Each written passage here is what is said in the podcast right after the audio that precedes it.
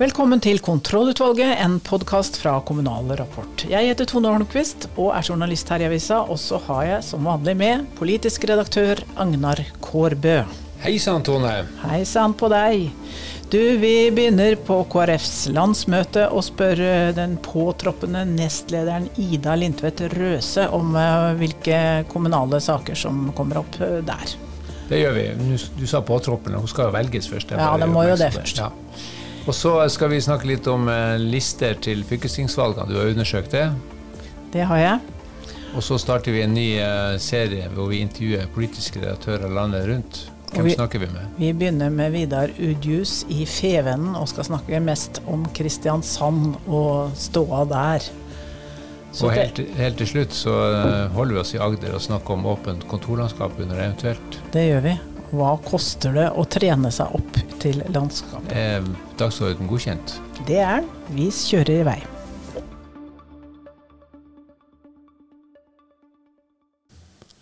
Til helga har Kristelig Folkeparti sitt eh, landsmøte. Og her med oss i studio på telefon har vi eh, Ida Lindtvedt Røse, profilert eh, fylkespolitiker i Viken og kandidat til nestledervervet i partiet. Velkommen hit, eh, Ida. Takk skal du ha. Gleder du deg til landsmøtet? Ja, veldig. Det er jo eh, alltid kjekt å møte KrF-ere fra hele landet, og spesielt nå før eh, lokalvalgkampen. For da kan man diskutere hva man har gjort i de ulike både fylkene og kommunene, og hente inspirasjon fra hverandre. Får vi noen eh, viktige debatter om lokalpolitikk og lokalt selvstyre på landsmøtet? Ja, det er jo flere viktige debatter eh, hos oss. Altså, ingenting slår kanskje den gangen vi vedtok eh, å gå for tvangssammenslåing av kommuner med to stemmer. Men, men vi har viktige saker denne gangen også. Og skolepolitikk er jo det som står høyt på agendaen hos oss. Både Eh, problemstillinger rundt digitalisering av skolen, eh, manglende skolebøker, som jeg tror veldig mange lokalpolitikere kjenner på en stor frustrasjon over. Manglende finansiering av, av skolebøker og mulighet til å kjøpe inn det. Og at vi istedenfor da tilbyr iPad, og at det blir altfor mye skjermtid i skolen. Så Det er jo det ene. Og så har vi tatt til orde for å endre førsteklasse. Få en helt ny måte å starte skolen på. Vi ser at veldig mange barn kommer fra barnehage og er kanskje ikke helt klar for ren klasseromsundervisning, og at den overgangen blir veldig stor. Eh, og vi vil mer tilbake til det som var egentlig utgangspunktet for reformen når vi innførte seks års skolestart, med mer lek og mer variert skolehverdag i første klasse. Så Det er jo på, på skolesiden. Det er viktig i kommunepolitikken et stort felt.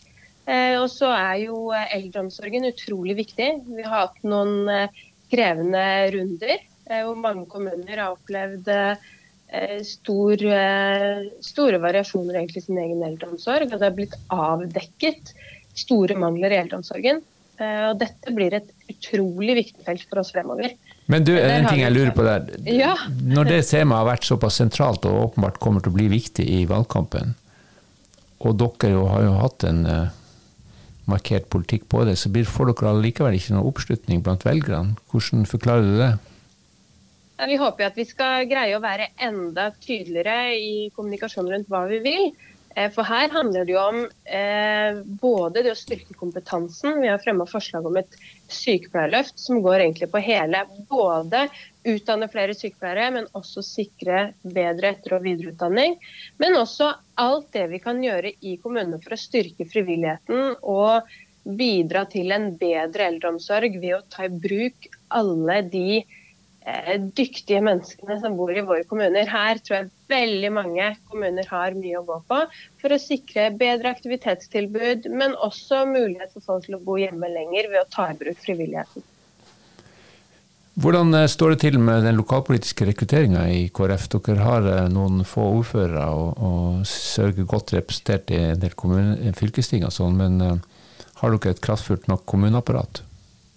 Nå jobber jo vi veldig iherdig med å få på plass lister. Eh, og det er jo veldig gledelig at vi ser flere kommuner som vi ikke hadde liste sist, som vi nå har liste. Altså Kongsberg f.eks., som jo er en kjempestor kommune, hadde vi ikke liste sist, men nå stiller det et vitalt kjempebra lag der som er uh, klare for å gå inn i lokalpolitikken, og det ser vi flere steder. Men det er vel minst, mens dere teller opp antall på, Ja, men kan jeg bare ja. legge til, da, fordi jeg syns det er kjempegøy å si at det er utrolig mange unge kandidater som stiller. Vi har jo landets yngste ordfører nå.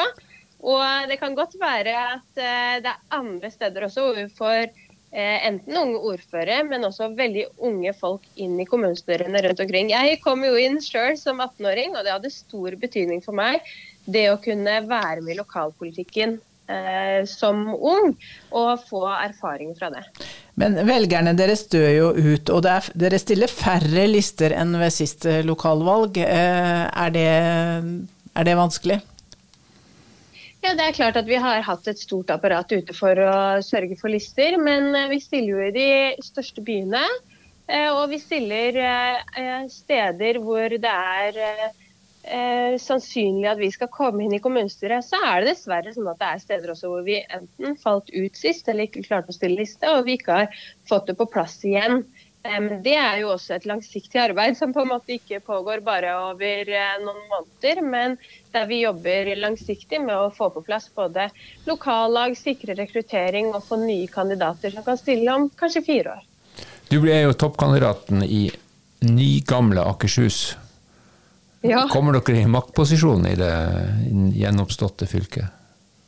Ja, Vi håper eh, på det, da, eller jobber for det. Eh, det gjør vi jo i alle fylker. og Nå har vi vært i opposisjon i Viken, og det er klart at eh, vi skulle jo gjerne vært i posisjon og, og fått påvirket politikken her ordentlig. og Det håper jeg at vi får gjort de neste fire årene. Men så er det mange andre fylker da, som vi er i, er i posisjon og hver dag greier å påvirke politikken. Hvem er som er foretrukne samarbeidspartner hvis vi ser på Akershus? Nå har vi jo hatt et eh, veldig godt samarbeid med Høyre og Venstre i Akershus tidligere, så det vil jo være nærliggende å, å se på det også fremover eh, eh, etter valget, hvis det er sånn at eh, vi partiene får eh, en oppslutning det går an å styre på. Helt avslutningsvis, hvis du blir valgt som ny nestleder, hva blir den viktigste saken din? Jeg mener det er utrolig viktig å begynne med familiene. Styrke familiene og gi familiene valgfrihet og fleksibilitet. Og tid til det viktigste, nemlig å få lov til å være sammen. Det gir alle barn en trygg og god oppvekst. Og det er det aller viktigste vi kan sørge for som politikere, og vi må begynne der. Lykke til med landsmøtet. Tusen takk.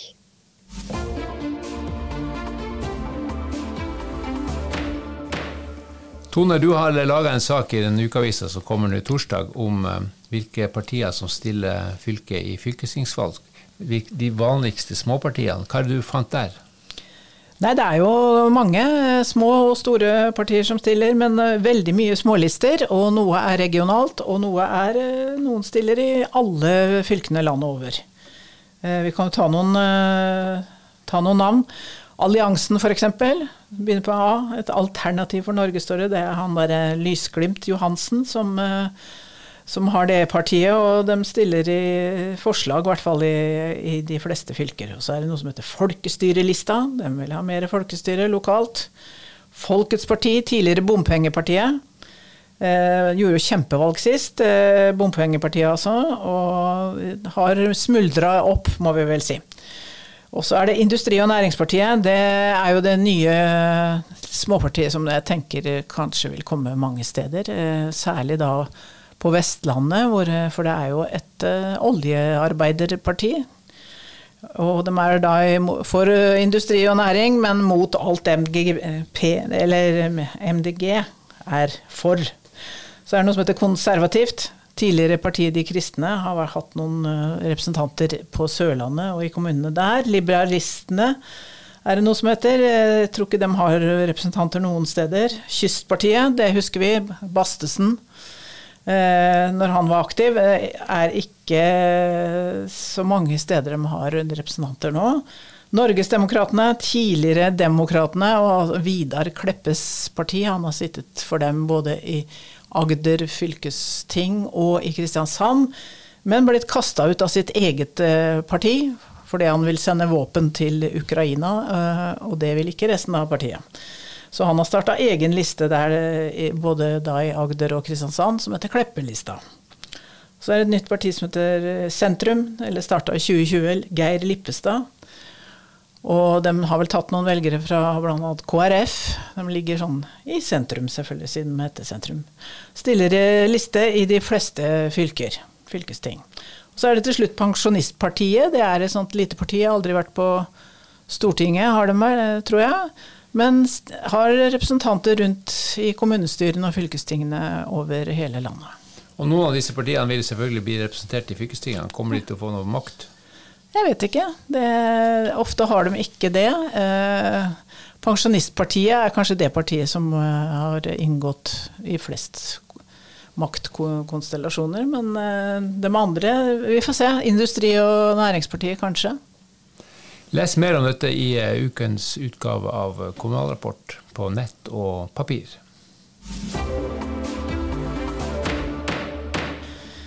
Vi skal til Kristiansand og til avisa Fedrelandsvennen og til politisk redaktør Vidar Udjus.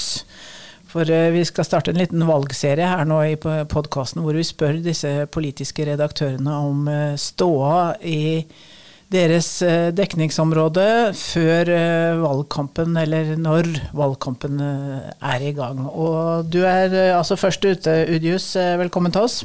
Ja, Tusen takk for det.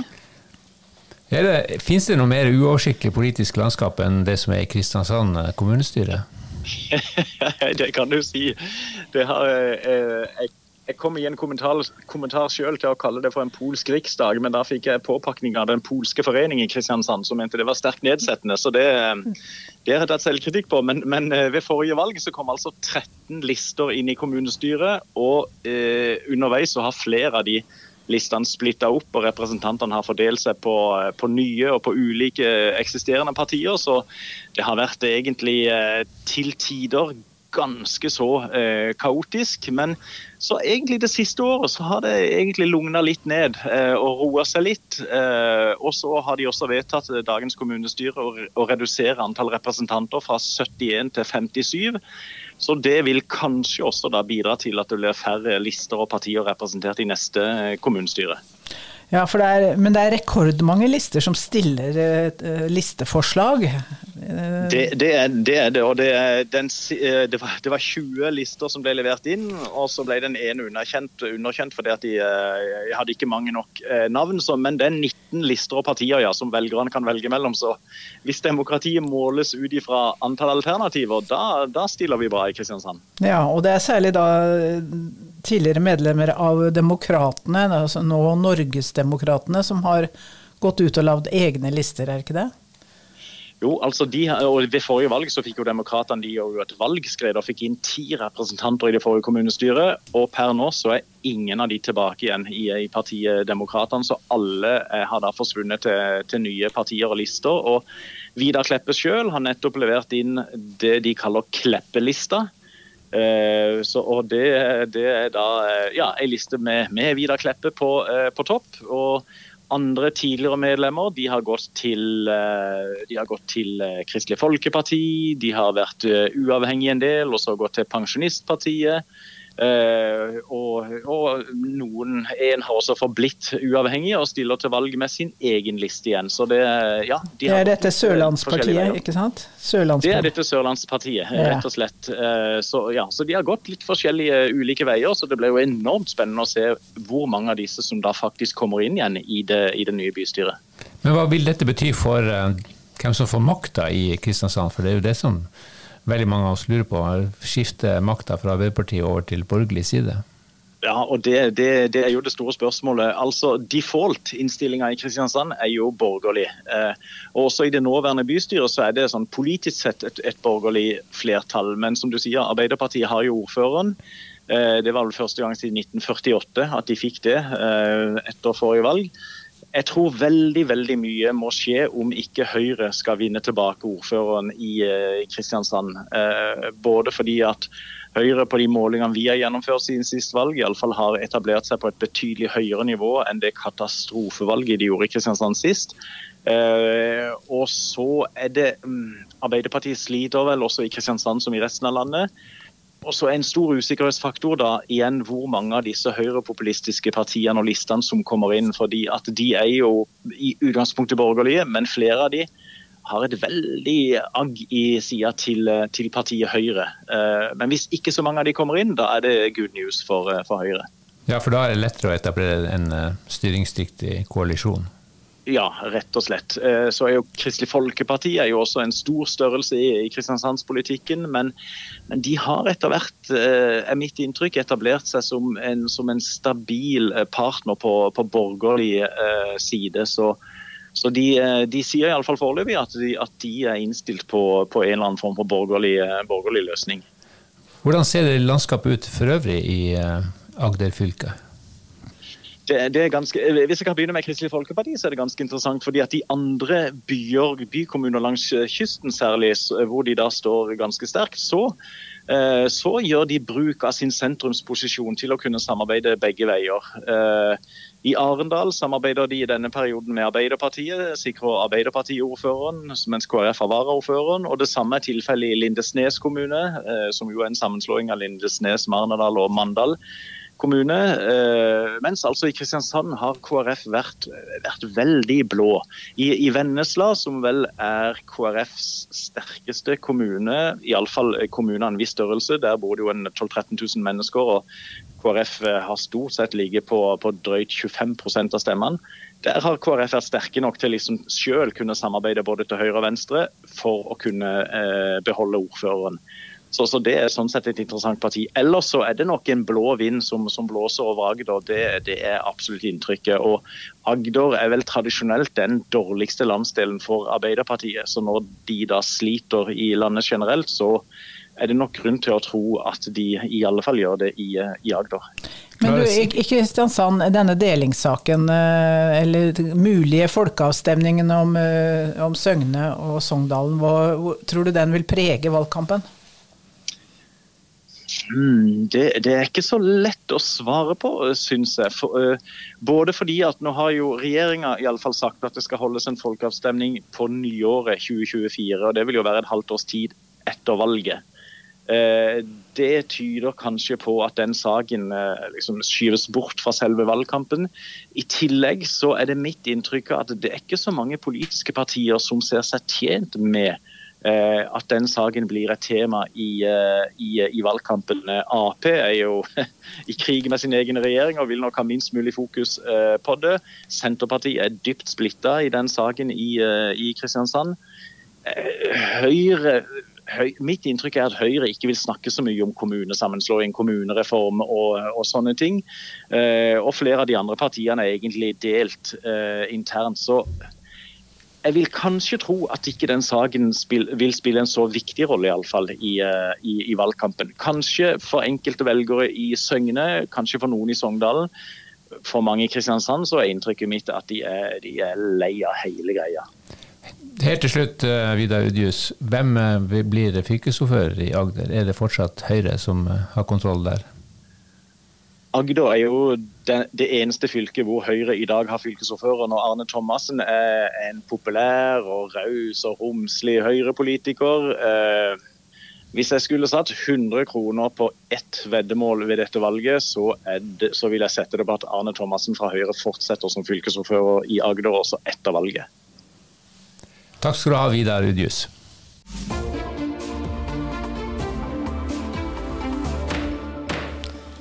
Da er vi kommet til eventuelt, og det skal handle om eh, å åpne landskap. Eh, Agnar, eh, har du trent på å sitte i kontorlandskap?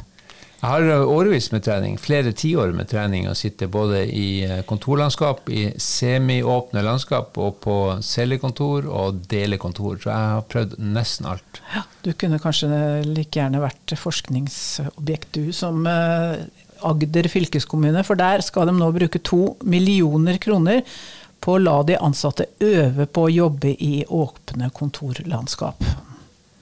Hva Det, det? tyder jo på at de tar arbeidsmiljøet på alvor, og at de har eh, god råd. Kanskje i overkant god råd. Ja, det er, det er, Frp mener at dette er så Det er mangel på respekt for skattebetalerne, og det er bevis på at, at fylkeskommunen kan legges ned.